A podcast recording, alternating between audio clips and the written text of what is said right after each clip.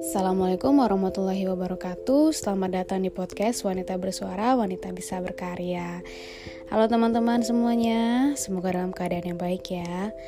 Nah hari ini aku mau cerita tentang pengalaman aku menjadi seorang wali kelas uh, Untuk pertama kalinya ya Dengan durasi yang cukup lama yaitu satu tahun lamanya Nah ini merupakan salah satu pengalaman yang berharga ya bagiku dan bertepatan dengan masa-masa um, aku juga sedang hamil besar gitu ya untuk uh, menghandle kelas yang tinggi juga ya kelas 9 SMP gitu. Nah uh, Rasanya seneng banget bisa menjadi seorang wali kelas, dekat dengan siswa, dan memberikan perhatian kepada mereka. Ya, jujur saja, banyak hal yang aku pelajari dan banyak uh, pengalaman yang juga aku dapat.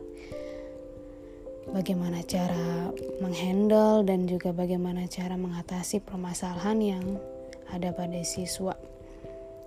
Nah, hmm, salah satunya mungkin ada siswa yang bermasalah.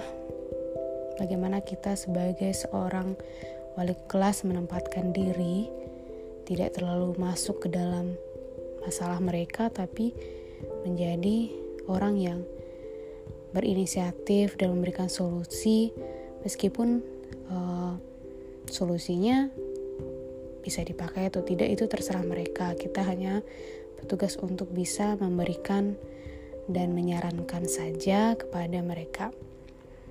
Nah eh, kebetulan juga aku mengikuti beberapa pelatihan mengajar ya seperti temu pendidik Nusantara ke-8 yang diadakan oleh sekolah belajar dan uh, belajar.id ya belajar uh, guru belajar.id maksudnya dan dari sekolah Cikal juga di situ banyak pengalaman yang aku dapatkan dalam rangka mendapatkan perhatian dan juga kedekatan dengan siswa. Misalnya nih uh, dalam penerapan asesmen diagnostik gitu kan ya, asesmen diagnostik yang tidak hanya sekedar pengetahuan tapi di sana kita juga bisa menilai siswa dari latar belakangnya gitu ya dari um, karakter, sikap dan lain sebagainya, kondisi siswa sebelum memulai pembelajaran. Itu ada namanya asesmen diagnostik.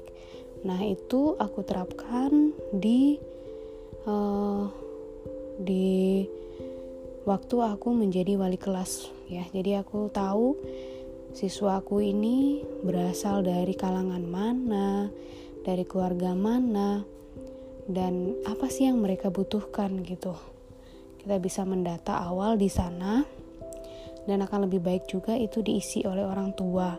Jadi kita bisa lebih tahu dan paham bahwa yang dibutuhkan orang tua dan yang diharapkan orang tua kepada sekolah itu apa gitu ya. Jadi sebelum mulai uh, tahun ajaran baru bagusnya itu disebarkan kepada orang tua siswa dan juga siswa berupa asesmen diagnostik. Untuk pertanyaannya ya berkaitan dengan uh, hal yang ingin kita tahu apa tentang biodata, latar belakang dan kondisi dari siswa tersebut beserta keinginan dan harapan orang tuanya.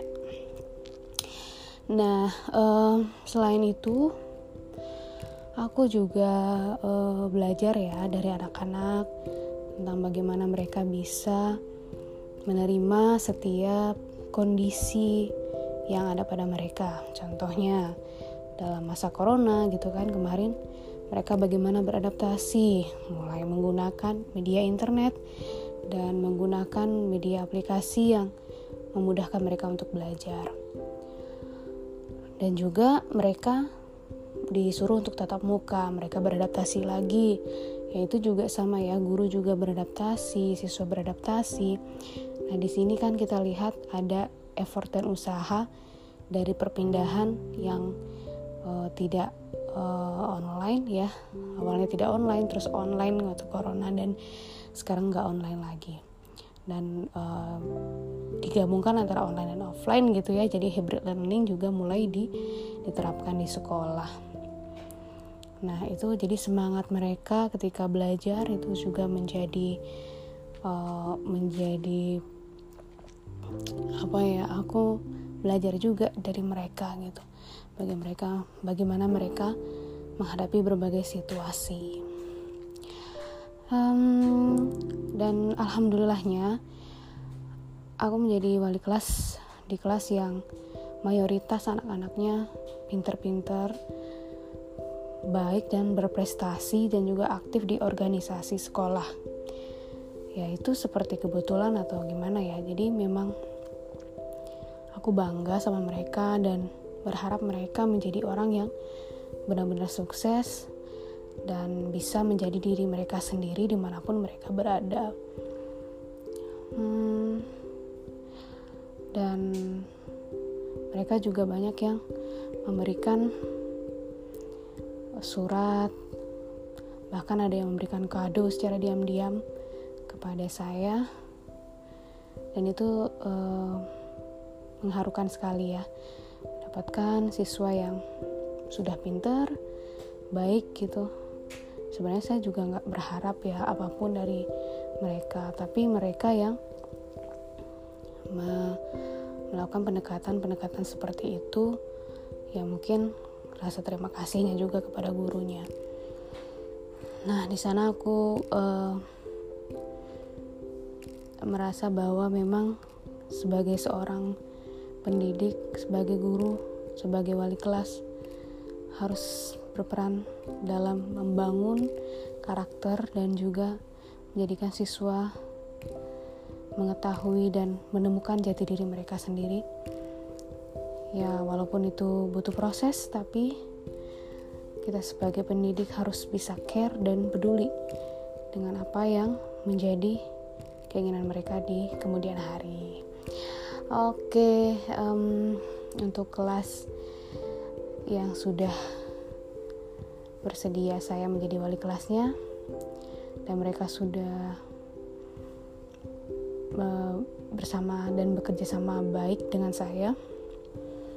Saya sangat berterima kasih. Saya sangat bangga sama mereka dan mudah-mudahan suatu saat nanti ketika bertemu mereka tidak lupa bahwa banyak orang-orang yang mendoakan dan menginginkan mereka menuju ke arah yang lebih baik dan sukses di kemudian hari. Nah, itulah curhatan saya sebagai wali kelas untuk pertama kalinya. Dan semoga teman-teman yang mungkin di sini yang mendengarkan menjadi seorang pendidik juga bisa banyak belajar ya. Dan semakin ikhlas dalam mengajar dan mendidik bagaimanapun anak-anak itu adalah amanah yang harus kita terus tingkatkan ya untuk masalah pendidikan baik segi ilmu pengetahuan terutama segi akhlaknya gitu. Oke wassalamualaikum warahmatullahi wabarakatuh